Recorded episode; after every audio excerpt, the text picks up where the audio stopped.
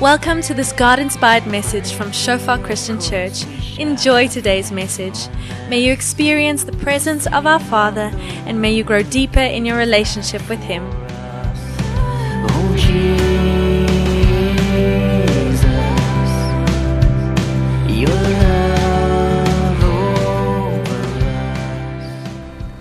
Welkom hierso. Almal lekker om vanoggend hierso te wees by ons tweede laaste diens van die jaar. Nou volgende week is ons afsluiting met net 'n oggenddiens volgende jaar, maar vir die van julle wat oor Desember tydperk ook eers wil jy sommer net aanmoedig.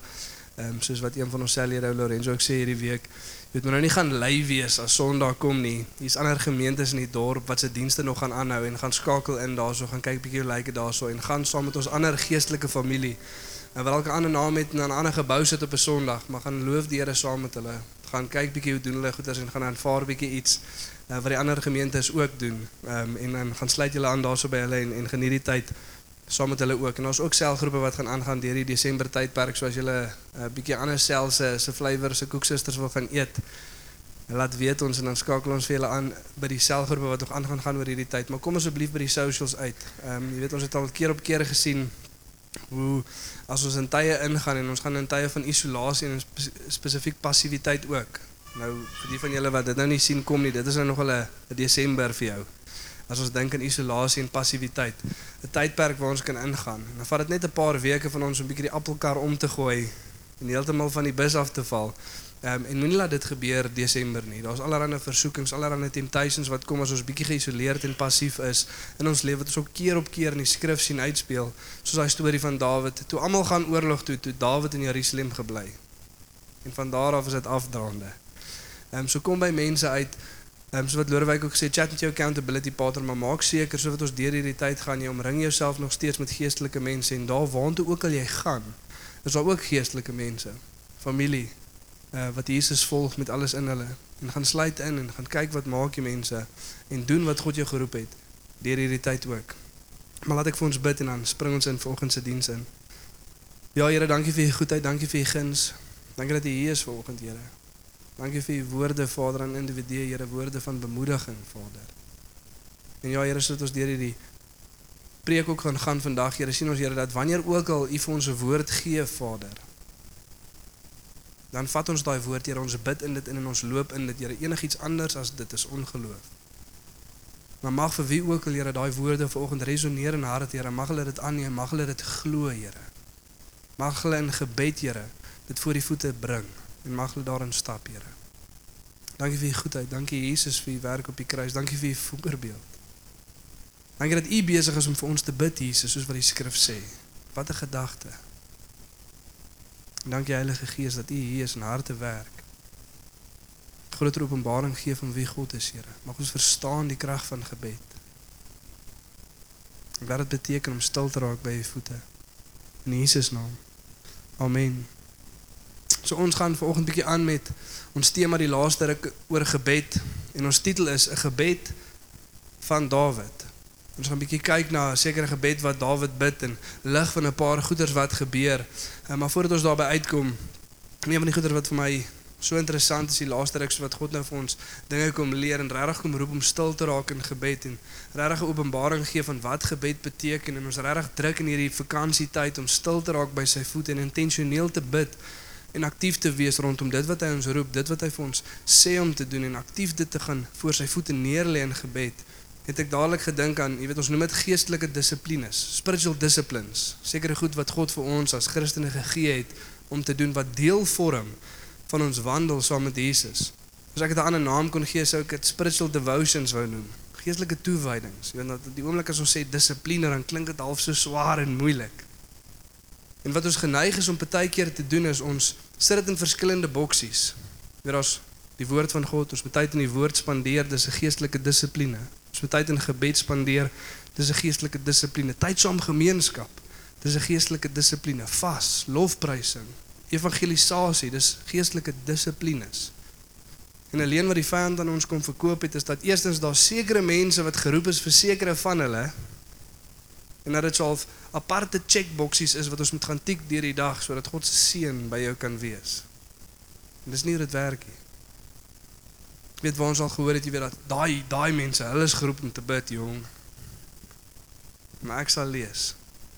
En daai mense is geroep om uit te gaan en daai mense is geroep om in selgroepe bymekaar te kom. Ten van ons wat so lekker baie so van kos hou soos ek, jy weet sekere mense is geroep om te vas. Amen. Ek meen dit kan nie almal van ons wees nie. Laat elkeen sy deel doen. Vir elkeen wat nie eet nie, sal ek bietjie meer eet. Jy weet daai tipe mekaar se laste dra. As ons so daardeur werk en dink. Maar ons het baie keer daai mentaliteit en daai idee. En baie vinnig dan skakel daai plek in soos wat Beline ook net vanoggend gesê het, jy weet om in die Here se teenwoordigheid te gaan souk, maar hoekom doen ek wat ek doen? Hoekom hoekom nader ek tot God se woord? Hoekom nader ek tot God in gebed? Hoekom kom ek saam vanoggend? Hoekom is ons hier? Jy weet dit klink nou so 'n eenvoudige vraag, jy weet, maar dit is mos waar ons altyd is op Sondag. Dit is wat ons doen. En so vinnig raak dit rotine en ons mis die hart van dit. Jy sien en die probleem is die oomblik as ek geestelike dissipline sien as hierdie checkboksies wat ek moet gaan doen sodat God tevrede met my kan bly, dan put dit my uit en is dreinerend. En dis iets wat ek in my eie krag, my eie vlees doen en ons geen afwagting nie. Ek moet nou hierdie gaan doen. Dis in die oomblik as ons ons verwagting draai en ek doen dit want ek wil God ontmoet, ek wil by hom wees, ek wil sy stem hoor, ek wil 'n groter openbaring hê van wie hy is. Ek wil in sy teenwoordigheid net wees. Dan draai dit om en dan kom die Heilige Gees in en in plaas van iets wat energie vat, is dit iets wat lewe gee. Ek wil by hom wees. Dis hoekom ek doen wat ek doen.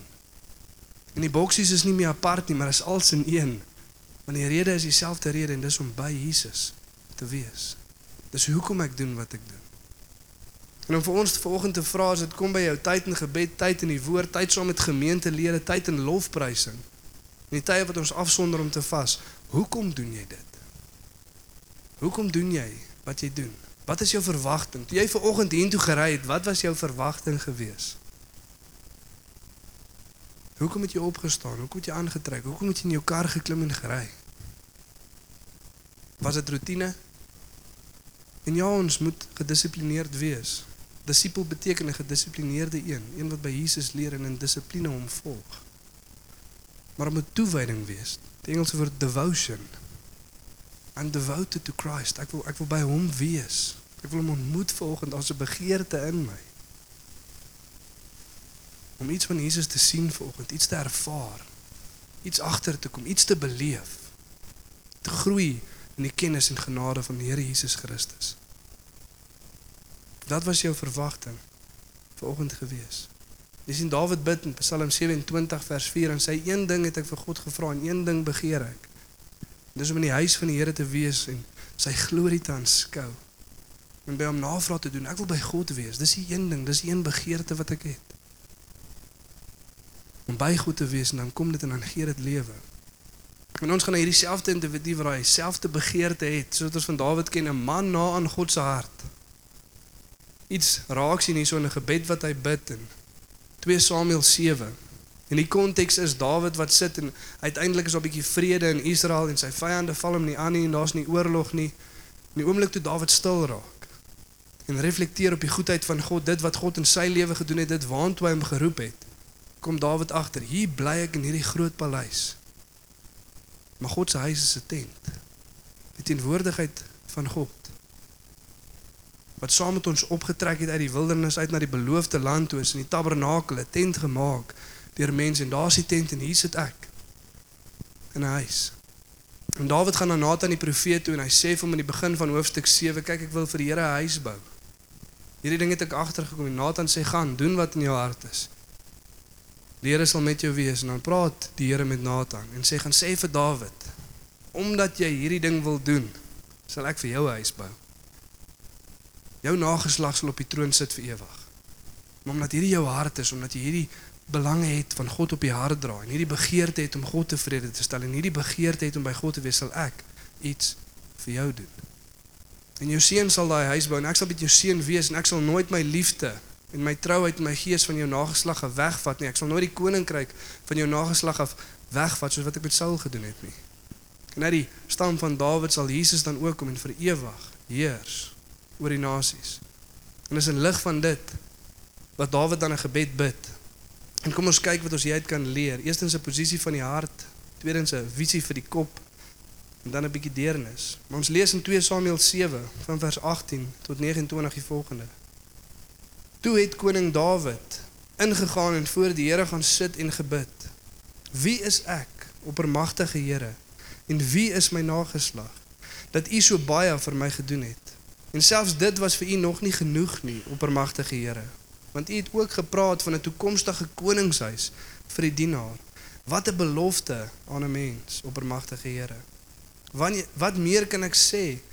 U ken my, u dienaar, oppermagtige Here. Ter wille van u dienaar en volgens u wil het u hierdie groot dinge gedoen en dit vir my u dienaar bekend gemaak. Daarom is u groot, oppermagtige Here. Daar is niemand soos u nie. Ons het nog nooit gehoor van enige god soos u nie. Die en watter ander volke soos Israel, die een nasie op aarde wat u God uit slawerny verlos het en die eie volk gemaak het. U het 'n groot naam vir jouself gemaak toe u u volk uit Egipte gered het en met groot onsagwekkende dade die nasies en gode wat in hulle pad gestaan het uitgedryf het. U het Israel tot die volk gemaak vir altyd. En u Here het hulle God geword. En nou Here God, doen wat u beloof het oor my en my nageslag en bevestig dit vir altyd. Sodat u naam vir altyd geëer mag word. Mag daar gesê word die Here die Almagtige is God van Israel. En mag die koningshuis van die dienaar Dawid in die teenwoordigheid vas bly staan. Here Almagtige God van Israel. Ek het die vrymoedigheid geneem om hierdie gebed tot U te bid, want U het bekend gemaak dat U 'n huis vir my sal bou. Nou oppermagtige Here, U is God en U woorde is waarheid. U het hierdie goeie dinge aan die dienaar beloof. Mag U nou asseblief die huis van die dienaar seën sodat dit vir altyd vir U mag bestaan, want U oppermagtige Here het dit beloof. Met 'n seën sal die koningshuis van die dienaar vir altyd geseën wees.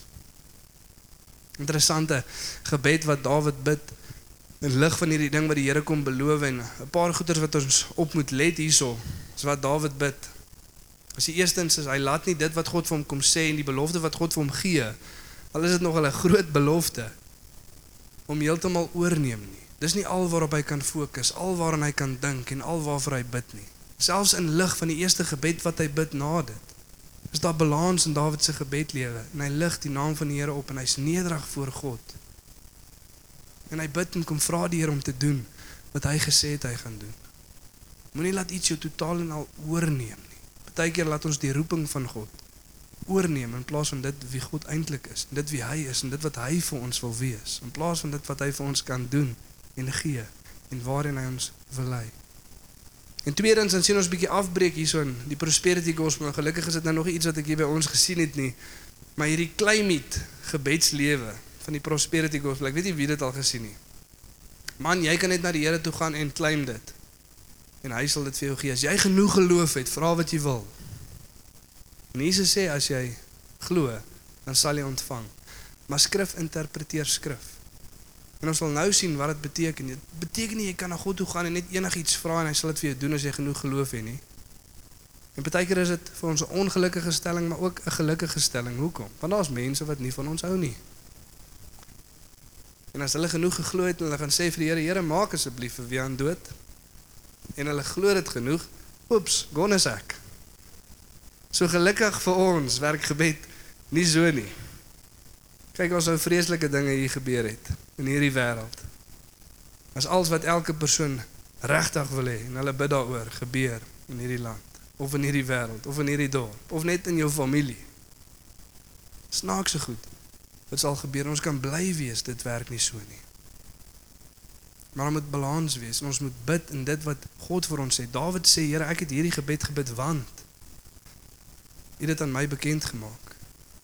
As jy daai generator hoor daar aan die agterkant, weet net dit is die geluid van koffie.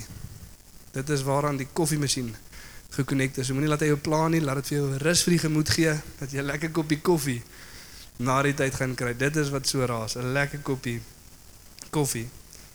Maar dan sien ons in hierdie gebedslewe van Dawid en ons een area waar hierdie ding begin. Daar's 'n sekere posisie van ons harte wat ons moet inneem as ons na God toe gaan in gebed om regtig te groei in intimiteit en as ons wil groei in die kennis van die Here, as ons wil groei in verhouding met God en hierdie posisie van ons hart is nie daar nie, dan sal ons nêrens heen groei nie. En dit begin hier so in vers 18. En ons lees in 2 Samuel 7 vers 18 dan sê Dawid net hoe hy begin. Toe het koning Dawid ingegaan en voor die Here gaan sit en gebid. Wie is ek? oppermagtige Here, wie is ek? En wie is my nageslag dat U so baie vir my gedoen het? En dan lees ons in Jesaja 66 vers 2 dan sê dit: "Maar op hierdie een sal ek let, op hom wat arm is en verslaaf in gees en wat bewe vir my woord." Die engel sê: "The one that is humble and contrite in spirit." Die een wat nederig is. Die een wat in nederigheid voor God kom en hierso sien ons dit van Dawid, 'n man na in God se hart. En hierdie is Dawid wat vir Goliat doodgemaak het. Hierdie is Dawid wat klaar die beer en die leeu, toe niemand gekyk het nie, verskeer het. Hierdie is Dawid wat God volg en groot militêre oorwinnings het vir Israel, wat grondgebied terugneem. Wat God volg met alles in hom. Hierdie is daai Dawid. En dit is so maklik vir ons as mens om te sê ja, dit maak sin. Dit maak sin dat God vir my hierdie nageslag verlos. Ek meen ek het vir Goliat doodgemaak. Kyk waantoe ek die Israeliete gery. Jesus, ek is dan maar oulik. Maar Dawid sê, Here, wie is ek? Wat is my nageslag? Dat U hierdie wil doen. U het klaar soveel vir my gedoen en dan bo op dit nou nog ook. Wie is ek, Here? En dan gaan dit nie soveel soos oor wat spesifiek Dawid wil doen nie, maar sy hart teenoor God. Jy sien in die konteks van Jesaja 66 As dit begin in vers 1. Dan sê die Here, die aarde is my troon en die ag die hemel is my troon en die aarde is my voetbank. Wie sal vir my 'n huis kan bou? Waar sal my woning wees? Al hierdie goed het my hande gemaak. Jy kan nie vir my 'n huis bou nie. Maar dan sê die Here, maar hierdie is die een op wie ek sal let. Die een wat nederig is. Die een wat deursigtig is voor my.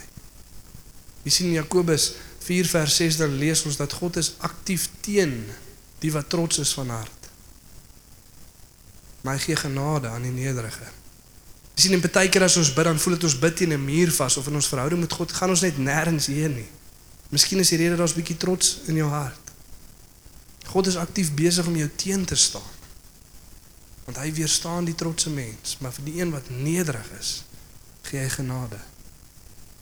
En Dawid kom bid hierdie voor die Here. Ons sien in vers 20 dan bid Dawid ook sê nou op die bord nie. Maar dan sê Dawid, wat meer kan ek sê Here, u weet wie u diensknegt regtig is. U ken my Here. En vir die Engelse vertaling sê you know what your servant is really like. U weet wie ek is, deursigtigheid en nederigheid. Jy sien as die oomblik as ons vergeet om deursigtig te wees, is moeilik vir ons in lig van die konteks waarin ons lewe want die wêreld wil ons konstant leer gee voor. Dit is nie oukei okay om nie oukei okay te wees nie. In sekere areas van ons lewe moet ons voorgee op 'n sekere manier weet onsself voorhou voor mense. Weet by die werk. Jy weet dit is so 'n kontras baie keer by die kerk of in jou selgroep as jy jou sonde bely of jou tekortkominge bely, dan's almal bly saam met jou want God kan 'n werk van genesing kom doen. As jy dit by die werk doen, is dit 'n ander storie. Dit beteken jy het iets verkeerd gedoen wat iemand anders nou moet gaan regmaak. Nee, vir alles al plante wat kan ontplof, want dit is nie so oulik nie. En dan leer ons dit aan en partykeer dan doen ons dit met God ook. Sien as ons nie deursigtig voor God kan wees nie, dan ons on nie nederigheid wat volg nie, want baie keer mislei ons onsself en ons vergeet so bietjie wie ons is. Ons lees in 1 Johannes 1 vers 8 en sê dit vir ons, maar wie ook al sê hy het nie sonde nie, bedrieg homself en die waarheid is nie in hom nie. Maar ons almal het sonde, ons almal skiet kort, ons almal maak dit nie. Soos wat Dawid geweet het, wie is ek, Here? Jy sien in lig van wat Jesus vir ons kom doen het op die kruis en in lig van wat hy deur ons wil doen, moet dit ook ons half reaksie wees teenoor God. Maar wie is ek, Here? Dat ek vandag hier kan staan, dat ek U naam kan aanroep, dat ek gered is, deel van die familie en dat U terugkom vir my eendag. Wie is ek, Here? Wat is my nageslag dat U so goed is vir my? Vat ons na punt nommer 1 toe. Nederigheid en deursigtigheid lei na intimiteit.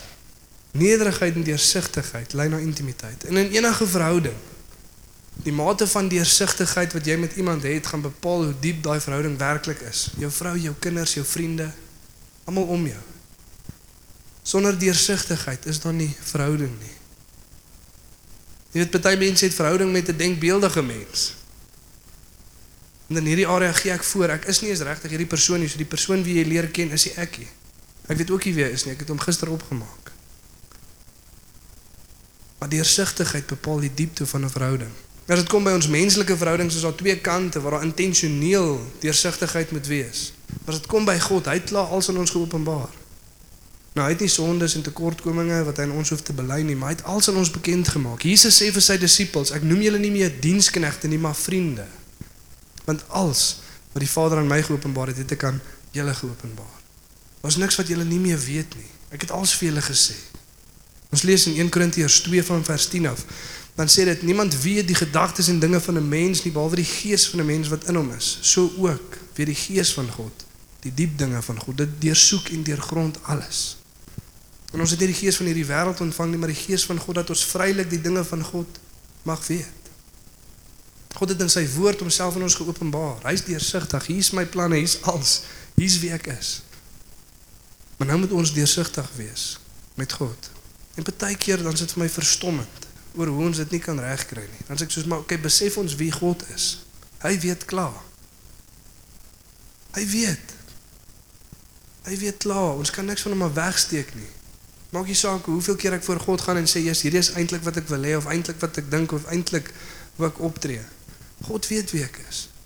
So wat Dawid sê, Here, U weet wie ek is. Wat meer kan ek sê? U weet hoe U dienskneg regtig is. Hoekom sal ek dit van God af wil wegsteek? Jy sien die oomblik as ons voorgee voor God, dan moet ons besef dat ons het nie openbaring van wie God is nie. Dis ek verstaan wie hy is. Dan is ek net so voor hom want hy weet klaar. Ek kan dit nie van hom af wegsteek. En dan groei ek in verhouding met God. En vanoggend moet ek vir ons vra, hoe intiem is jou verhouding met God? As jy kyk na jou gesprekke wat jy met mense het, die goed van jou hart wat jy moet ontbloot. En baie keer voel ons of ek maar as God regtig weet, hoekom moet ek vir hom sê? Dis nie om hom in te lig nie. Dis vir ons onthaalwe wat God ons vra om te bid en dinge voor hom te gaan neerlê. En soos ons oor alles bid, kom die vrede van God in ons hart in. Ons bou verhouding. Ek vat dit na die een toe wie ek vertrou. So hoe lyk jou intimiteit met God? Wat gaan sê jy als vir hom? Hoe ontbloot jy jou hart voor hom? Is daar goed wat jy eerder vir ander mense sê voordat jy dit na God toe vat? Is jou gebedslewe meer 'n half to-do list? Here, hierdie moet gebeur, daai moet gebeur, hierdie moet gebou word, daai moet gebou word, hierdie kind moet gelei word. Hierheen wil ons soontoe stuur.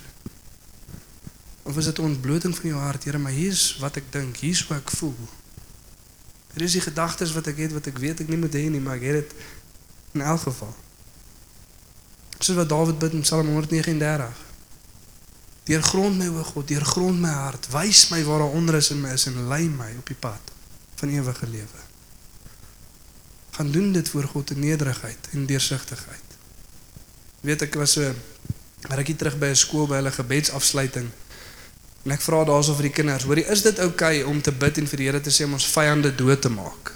En soos een man sê almal nee. Ek sê maar Dawid het dit gebid. Wat nou?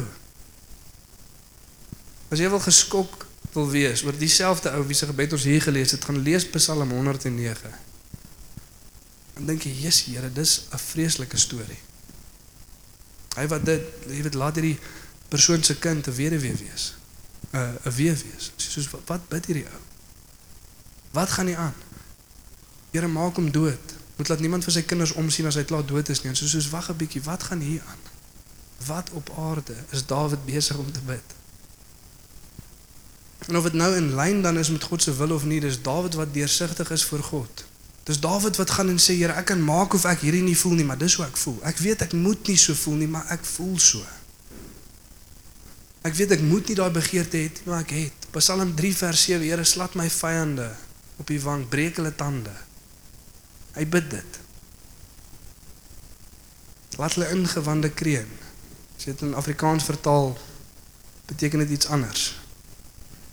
As jy ingewande kreun, dan gebeur daar goed. Met gewindelike hartklop as dit met jou gebeur. As jy met my. Dawid bid dit. Hy sê Here, dis hoe ek voel. Ek kan nou maak of ek dit nie voel nie, maar ek doen. En dit gaan nie nou of dit verkeerd of reg is nie. En die Here gaan dit nie uitvoer as dit nie in sy wil is nie, maar as ek met 'n gesprek het met God en hom sê hoe ek voel. En ek weet ek moet nie so voel nie. Ek weet ek moet nie hierdie begeertes hê nie. Ek weet ek moet nie hierdie gedagtes hê nie. Maar ek het dit. En u weet. U weet wie dienskneg regtig is. Hier sê ek, Here, ek sprei dit oop voor U. Jy sien dis in daai plek, in daai deursigtigheid en daai nederigheid wat ons wag op God sodat sy woord na ons toe kan kom. Want as ons dit nie doen nie, dan sit ons geestelike oorklappe op. God kan nie met ons praat nie want ons is nie nederig voor hom nie. Sê as ek en my vrou besig is om te beklei of wat ook al en nou wil ek gaan bid en vir die Here gaan sê om my uit te sort. Ons doen dit mos baie keer. Want ek doen niks verkeerd nie. Sekerlik is ek nie die een wat hierdie fight ge-initiate het nie. Sekerlik is daar nie iets fout in my lewe nie. Ek weet ek is 'n goddelike man. Sy is geseënd met my. Nê? Nee? Dan gaan ek voor die Here en sê, "Jesus Here, sê net vir Robin wat sy doen is verkeerd en sy moet repent, Here."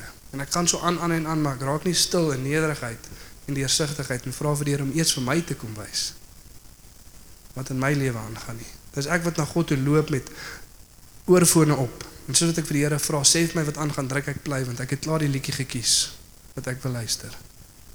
Die fout lê klaar nie by my nie. Ek gaan net na die Here toe dat hy dit ook kan bevestig. Baie keer ons gebed benader en intree. Maar as hier waar ons na God toe gaan en vir God wag om met ons te praat. Jy sien baie keer dan sê mense ons moet neutraal na die Here toe gaan. Maar as dit kom by byvoorbeeld jou partner wat jy mee wil trou, hopelik kan jy nie neutraal na hom toe gaan oor die mens waarmee jy wil trou nie. As jy neutraal na God toe kan gaan sê Here, ek wil met hierdie man of vrou trou en as jy nou ja of nee sê ek gee nie regtig om nie, moenie met hulle trou nie. Dis nie veronderstel om so te voel nie. Maar om in deursigtigheid na God toe te gaan en te sê Here, hierdie is wat ek regtig wil doen. Mens, ek wil met haar trou. Of Here, ek wil regtig hierdie werk hê of ek wil regtig na daai plek toe trek of ek wil regtig hierdie ding doen. Ek wil dit regtig, Here. Ek is bewus van dit wat my beïnvloed. Ek is bewus van die begeertes en drange in my hart. Maar nietemin, Here, hier sit ek in nederigheid en deursigtigheid. Kom sê vir my as dit U wil is of nie. Maar neutraal gaan ek nie kan wees nie. En hier wag ons vir God en dan in daai plek kom die Here en hy praat met Dawid. En hy sê vir hom die volgende in vers 19 en 21. Dawid sê en selfs dit was vir u nog nie genoeg nie oppermagtige Here. Want u het ook gepraat van 'n toekomstige koningshuis vir die dienaar. Wat 'n belofte aan 'n mens. Vers 21 terwille van die dienaar en volgens u wil het u hierdie groot dinge gedoen en dit vir my, u dienaar, bekend gemaak. Jy sien dis net die goed wat God bekend maak, is net die goed wat God in ons openbaar en die woord wat hy vir ons gee wat ons dan in gebed besit gaan neem van. Jy kan dit maar claim. En dis wat God gesê het. Dis waantoe hy jou lei. Dis wat hy vir jou lewe wil hê. Jy sien in Johannes 10 vers 3 dan kom Jesus en sê hy, my skape hoor my stem en hulle volg my. En soos wat ek hulle almal uitgelei het, gaan ek voor hulle en hulle volg my want hulle ken my stem. Die stem van 'n vreemdeling sal hulle nie volg nie want hulle ken nie die stem van vreemdelinge nie. Jesus sê sy skape hoor hom. Ons kan hom hoor. Hy wil ons lei. Hy wil voor ons uitgaan. Romeine 8, maar die wat kinders van God is word deur die Gees van God gelei. As jy nie die Gees van God het nie, is jy nie 'n kind van God nie. Die Here wil ons lei. Hy wil vir jou wys waantoe hy jou vat. Hy wil vir jou wys wat hy vir jou beplan. Weet jy, is Jesus wat ons baie keer op God wag. Wat ons om in boksies sit oor die manier hoe hy praat en dit wat hy wil sê. Ons gaan gou hier vanoggend hoor, is daar iemand hierso wat al gesê het nee, die Here sal my nie roep om dit te doen nie. Die Here sal my nie roep om 'n selgroep te lei nie. Die Here sal my nie roep om te preek nie. Die Here sal my nie roep om op sendingsreis te gaan nie. Die Here sal my nie roep om 'n sendeling te wees nie. En as jy vanoggend hier sit en jy het al enige iets soos dit gesê, dan het jy die Here in 'n boksie gesit. Gooi daai boksie weg. Gooi daai boksie weg. Of moenie dat die Here jou onkant vang. Moet moenie sê want die Here sal my nooit soontoe stuur nie as jy plaas van 'n plek om te gaan bly, want soontoe sal hy vir jou stuur. Keer op keer. Maar gooi daai boksie weg. Laat toe dat God kom besluit wat hy deur jou lewe wil doen. Daai werk is vooraf beplan in Christus. So wat Efesiërs 2:10 sê, sodat ons daarin kan loop. Maar moenie God in 'n boks sit nie. Reg deur die skrif, die roeping van God is 'n vreeslike ding. Sy met Moses praat en sê Moses nee, ek wil nie gaan nie. Stuur vir Aaron, Aaron is toe later saam, hy wil ook nie regtig gaan nie. As Jesaja die Here sien, dan dink hy hy gaan doodgaan. As Jeremia geroep word, sê hy is te jonk. Sê vir Petrus roep sê hy Hy's te Sondag. So vir Paulus gaan roep en wys hom wat hy gaan lei vir sy naam. Maar die roeping van die Here is 'n vreeslike ding. Maar dit waarvoor hy jou roep, sal hy jou toerus om te doen. Maar jou eie plannetjie sal jy jouself moet toerus om dit te doen. Maar moenie God inboks nie. Laat toe dat hy deur jou lewe doen. En as jy ooit dink jy maar ek het, ek het nie wat dit vat om hierdie ding te doen nie, dan is jy die perfekte kandidaat. En die Here sê deur dit wil hy glorie kry. So hy gaan jou juis roep wat jy dalk nie dink jy kan doen nie. Maar moenie inboks wat die Here wil kom sê en ook nie hoe hy praat nie. Party van ons wat al lank in die charismatiese beweging is, het al dalk oor jou kind, maar die Here praat nie so met my nie. Die Here praat so met my. Hy gee vir my 'n droom of 'n visie of 'n stuk skrif of wat ook al dit mag wees. Moenie die Here inboks nie. Laat toe dat God kom doen wat hy wil doen en met jou kom gesels hoe jy moet gesels. Maar vir 'n bietjie clarity gelukkig is daar een boks waarin God gesels en dis die boks wat hy self gemaak het. En dis die woord van God. Maar enigiets wat nie belyn met dit nie is nie God wat praat nie. Enige manier wat nie belyn met dit nie is nie God wat praat nie, maar God kom praat en hy gaan nooit teenstrydig wees met sy woord nie. Kyk wat sê Dawid in vers 27 en 38. En sê want u het bekend gemaak dat u 'n huis vir my sal bou. Dis die spesifieke woord aan Dawid. En dan sê Dawid in Psalm 28: Nou oppermagtige Here, U is God en U woorde is waarheid. U het hierdie goeie ding aan die dienaar beloof. Dawid sê dis in lyn met die woorde van God. God se woorde is waarheid. Hierdie woord wat hy vir Dawid kom gee het is waar, maar God se woord in geheel is waarheid. En dit moet belyn met dit. En weer eens as ons ons geestelike dissiplines as checkboxies sien, dan gaan die twee nooit by mekaar uitkom nie, die woord van God en gebed. Maar God roep dit om dit saam met mekaar te kom doen. Die woord wat hy vir ons gee en die woord wat hy in sy skrif gee. Dit mag party van ons dalk snaaks lyk. Hoekom as God gesê het hy gaan hierdie ding vir Dawid doen, bid Dawid ooit nog daaroor? Die Here het mos al gesê hy gaan dit kom doen. Maar dis altyd as ons as gelowiges bid. Ons bid in die dinge in wat God klaar gesê het hy gaan kom doen. Hoekom? Want God het gekies om deur gebed te werk. Tot op so 'n vlak toe Jesus self, toe God homself mens word, toe bid hy. Jesus het nie het geweet wat gaan gebeur. Jesus was God homself. Hy het geweet wat gaan gebeur, hy het geweet wat in mense harte aangaan. Tog het hy gaan bid. Dan gaan bid Jesus, dan kies hy die disippels, dan stuur hy die disippels uit, maar dan bid hy tot die Vader om hulle ook uit te stuur. Hoekom? Want gebed is nie hoofsaaklik daar om ons in te lig of om God in te lig nie. Dis hoe God kies om deur sy mense te werk, soos daai wonderlike liedjie wat ons gesing het, wat Belino gekies het. Hy laat ons deel hê in sy grootste werk. Hy laat ons bid, Here, laat U ryk kan kom. Hoe God kragtig deur gebed werk. En dis juist die dinge wat ons seker is God gaan doen wat ons meeste tyd in gebed voorspandeer. Want God wil hê ons moet in daai dinge inbid. En dan moet ons ook aktief volg. Ons sit nie net en wag tot dit outomaties gebeur nie. Toe die Here vir Abraham sê hy moet na die beloofde land toe gaan, tot hy nie net daar gesit in kamp en gedink een oggend gaan hy outomaties net daar wakker word nie. Nee, die volgende oggend het hy sy tent opgepak en hy het begin loop. Sodat hy God vertrou dat God gaan doen wat hy gesê het om te doen. En vir ons as gemeentelede is dit iets wat belangrik is vir ons om skrif te bid, om die skrif te vat net nie net te lees nie, maar ook deur dit te bid. Eers vir onsself, maar dan ook vir ander. Want ons lees hier volgende in 1 Johannes 5:14. Dit sê en dit is die vrymoedigheid wat ons teenoor hom het dat hy ons verhoor as ons iets vra volgens sy wil. Dis die vrymoedigheid. Dat as ons vra volgens die wil van God, dan verhoor hy ons. Dan gaan die gebed gebeur, maar God kies om dit so te doen en deur 'n gebed te doen. En soos wat ons deur skrif lees, dan bid ons dit vir onsself. Mans en vrouens, soos wat julle deur Efesiërs 5 lees, dan bid jy dit vir jouself en vir jou vrou. Here, mag hierdie waar wees van ons. Mag ek 'n man wees wat my lewe neerlê vir my vrou. En die enigste tyd wanneer dit maklik is, is as ek trip. Die res van die tyd is dit moeilik om my lewe vir my vrou neer te lê. Want ek is selfsugtig. Maar dan bid ek dit, Here, mag ek daai man wees. Here, mag ek ons gesin lei in die woord. Mag ek lei na heiligheid toe, Here. Een van die mooiste gebede vir my is in Efesiërs 3 as Paulus bid van vers 14 af vir die kerk vir geestelike krag en insig. Dan bid hy dan sê vir hierdie rede buig ek my knie voor die Vader waarvan elke familie in die hemel en op aarde vernoem is. Dat volgens die rykdom van sy glorie hy ons die krag deur sy gees kan gee sodat Christus in ons harte deur geloof kan woon. En dat ons gegrond en gefestig in liefde saam met die gemeente die liefde van God kan verstaan hoe breed, hoe hoog, hoe diep en hoe lank dit is sodat die volheid van God ons deel kan word. Dan bid ek dit.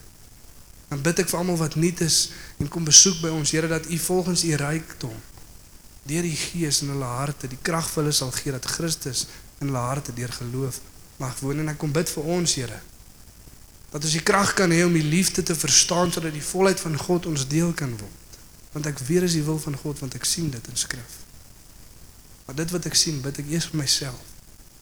En dan bid ek dit ook vir ander. En dan leer ons ook daar's tye waar God praat en tye waar ek praat. Soos wat ek deur die skrif lees. Dan lees ek dan bid ek dan lees ek dan bid ek. Wat vat ons nou punt nommer 2 toe. Laat die woord van God ons gebede lei. Laat die woord van God ons gebede lei en soos wat ons daai woord voor ons hou die woord wat God vir ons as individue het en dit moet altyd belyn met die woord van God in die rigting van die gemeente waar God jou geplant het As God vir ons as 'n gemeente sê ons gaan hierdie kant toe en jy is die enigste een wat voel ons moet daardie kant toe gaan. Belyn. Dalk is dit iets wat God deur jou lewe wil doen, dalk is dit iets wat hy nog wil vestig, maar jy moet nog groei en dis nog nie tyd nou nie. Maar belyn. Maar hoor by God, wat is die woord vir jou lewe? Wat is die woord vir ons as gemeente? En waartoe vat hy ons in geheel deur die skrif? En soos wat ons dit voor ons hou, wat ons afhanklikheid van die Here koester in ons lewens want ons bid want net God gaan dit kan laat gebeur. En dan is al volharding wat moet gebeur. Kyk wat sê Efesiërs 6 vers 17 tot 18 vir ons. Dis so mooi vir my in lig van die woord van God. Die geestelike wapensrusting se laaste vers en dan gaan dit aan en sê dit en neem aan die helm van verlossing en die swaard van die gees. Dit is die woord van God. Wat is die swaard van die gees? Dit is die woord van God. Terwyl terwyl julle met alle gebed en smeking by elke geleentheid bid in die gees. En jy's daartoe waak met alle volharding en smeking vir al die heiliges. Jy sien om te bid in die gees nie net om te bid in tale en die dinge wat ons doen, dit is om te bid in die wil en die woord van God. Dit is om te bid deur leiding van die gees. Neem die swaard van die gees, dit is die woord van God terwyl jy by elke geleentheid in die gees bid. Paulus is nie besig om vir ons te sê as jy bid met jou Bybel in jou hand het jy meer krag nie. Hy sê bid wat daar binne staan. Bid wat daar binne staan. Dis die woord van God, dis die swaard van die Gees, dis die enigste wapen wat ons het om mee aan te val. Die res is om te verdedig mee. Of dit is die skoene om ook die waarheid uit te vat. Maar tel die woord van God op en bid in die Gees en wanneer doen ons dit? By elke geleentheid. Miskien dis ook 'n manier hoe ons God in 'n lekker boksie kan sit. Here tussen 6 en 7 in die oggend dan kan jy met my praat. Dis my stilte tyd dan. Weereens as jy so dink, dan verstaan jy nie wie God is nie. Jy kan dit nie met God doen nie. Jy kan nie vir hom sê ek het gou 10 minute. As iets het om te sê, moet jy gou maak. Nee nee nee. Nee nee. Om te sê Here, hier is my lewe. Spreek wanneer en wat U wil. Dis 'n bietjie anders. En as ek in elke geleentheid bid, soos wat ek werk toe ry, soos wat ek na daai meeting toe gaan, soos wat daai meeting klaar is, soos wat ek huis toe ry, by elke geleentheid. Soos ek konstant besig om vir die Here te vra, Here, waarmee is U besig? Waartoe lei U my? Wat moet ek doen? En soos dit dit openbaar, so voer ek dit uit. Maar my afhanklikheid van God, maar moenie tye en boksies maak waarin ons God sit nie. By elke geleentheid bid in die gees. 1 Tessalonisense 5 vers 17 bid sonder ophou. Bid sonder ophou. En dan gaan die res van daai verse aan dan sê dit blus die gees nie uit nie, verag nie profeseë nie, beproef alles en behou die goeie. En weer eens 'n vers wat erg uit konteks uitgeruik was. Beproef alles en behou die goeie. Weer eens in die konteks van gebed. Blus die gees nie uit nie. Verag nie profeseë nie. Beproef alles, behou die goeie. Dit wat vir vir vanoggend hier gebeur het na lofpryse. So wat mense opgekom het en woord kom bring het.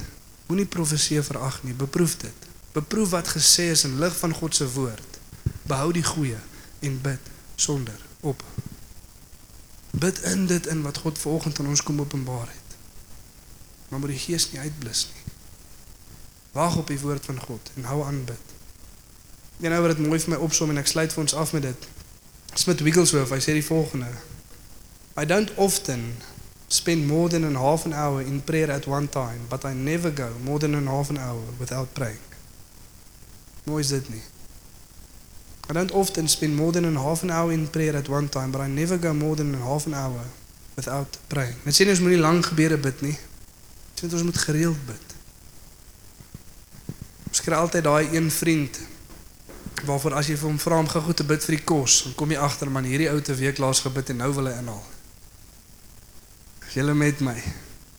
Aanbid hy vir die armes en die wat nie die Here ken nie en vir die gemeentes en vir die regering en en dan op en o ja, en sien die kos wat ons nou gaan eet.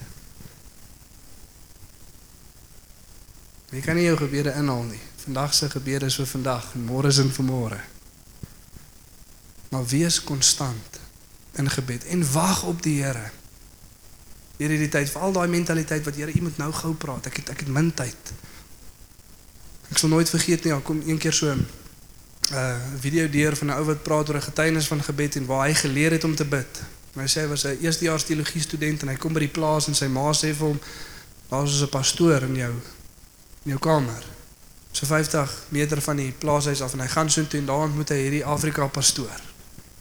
En hy sê Jesus, wat wil jy doen? Wil jy teologie bespreek? Wil jy oor God praat? Hy sê nee, ons gaan met God praat. Ons gaan nou bid. En hy sak op sy knie en hy begin bid. En hy sê hy kon dit verstaan, was so toe gewees, hy het so toe verstaan. En hy sê hier bid hierdie ou en hy kon nie glo hoe intiem hierdie gesprek met die Here is nie. Hy sê hy het nie lank gestaan nie toe begin hy maar ook bid. Hy sê 'n uur en 'n half het verbygegaan en dit gevoel soos 5 minute. En die pastoor staan op en hy sê daar's 'n klein bergie op julle plaas. En daarso wag ons op die Here. Partykeer gaan ons 40 dae, partykeer 20 dae, partykeer 'n week, partykeer 3 dae. Hy sê wat vat julle? Sê ons vat 'n bottel water en ons Bybels. En ons wag op God. En daar loop hy. Hy sê hy was seker hy gaan hom nooit weer sien nie. Een aand soos wat hy sit en leer met die kerslig, klop hy iemand aan sy ruit en hy maak oop en hy kan niemand sien nie. Net sy tande as hy smile. En hy sê kom, ons gaan bid. En soos wat hy volg na die bergie toe, soos wat hy agter hulle aanloop, dink hy heeltyd by homself, wat doen mens een hele aand in gebed? Wat sê mens vir die Here? Hoe werk dit? En soos wat hy loop en die ou se naam voor hom is Petrus en hy sê vir Petrus, Petrus. Petrus sê wat is dit? Hy sê hoe spandeer mense 'n nag in gebed? En Petrus kyk vir my sê en jy het 'n probleem. Hy sê wat is dit? Hy sê jy is haastig en God is nie.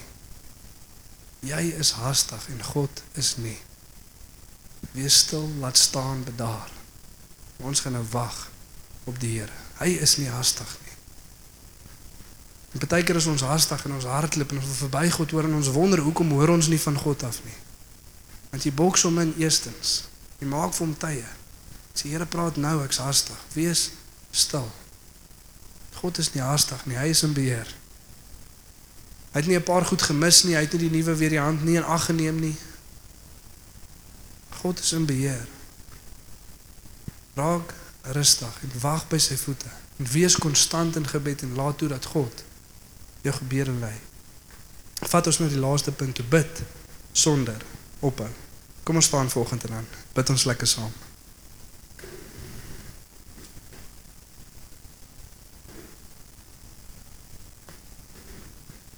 Ja, Here, dankie dat ons vanoggend voor U kan kom staan, Here en Ja Vader, ek kom bid Here dat U net weer aan ons sal kom openbaar, Vader. Wat is daai gedagtes wat ons het, Here? Daai idees wat wat ons sê nee, U sal ons nooit daarvoor roep nie, Here.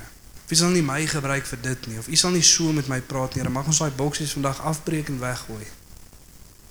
Mag die enigste boks wat ons het, Here, die woord van God is, Vader. U gaan nooit teenstrydig met U woord nie, Here. Dit wat U vir ons daan geopenbaar het, dis waar, Here. En dit sal nooit verander nie.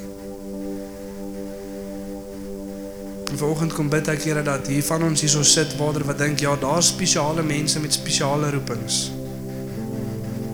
En hulle hulle is regtig gesalf Here of hulle is regtig rein Here of hulle probeer regtig hard om U te volg en dis hoekom U een of ander spesiale roeping of doel vir hulle het Here.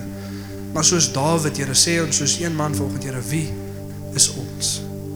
Wie is ons, Here? Dat U so genadig met ons is.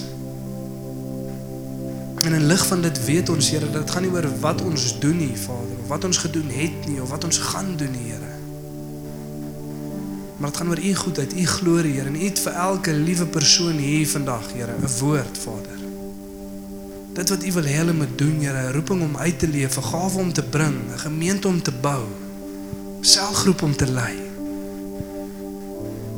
Mense om die evangelie voor te gaan verkondig, Here, om op sendingsreise te gaan, Here, om sendingsspanne te lei. Sê nie almal van ons gaan ons werke bedank nie, Here, maar om op sendingsreise te gaan, Here, 'n week of twee af te vat op in Afrika, waar ook al. Maar mag die boksies wat ons gemaak is afgebreek word vanoggend, Here. En kom sê dit gaan nie oor ons vermoë nie, Here, maar dit gaan oor die een wat roep. En die een wat roep is God en hy sal magtig.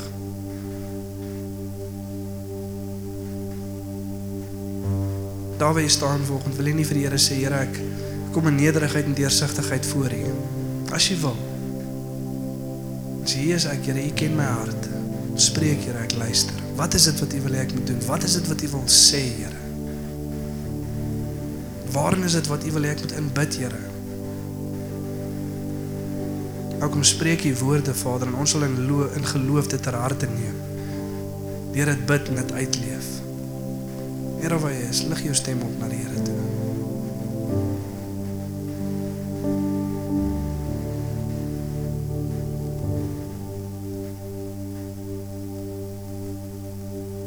Van ons wat volgend hier so sit en jy's haastig. Jy's besig. En jy besef jy's haastig, maar God is nie. Net waar jy staan, wil jy nie jou besige hart vir God neerlê nie. Sê Here Jesus, ek Here, leer my om stil te wees. Leer my om te bedaar.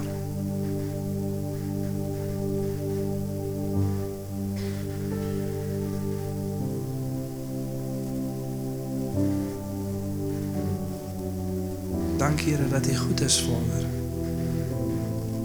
En ja Here, een van die name van Jesus is die woord van God, die een wat spreek, die een wat lei, die een wat praat, Here.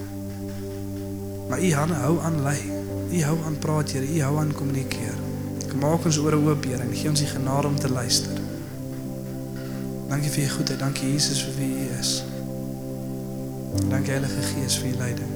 In Jesus naam. Amen.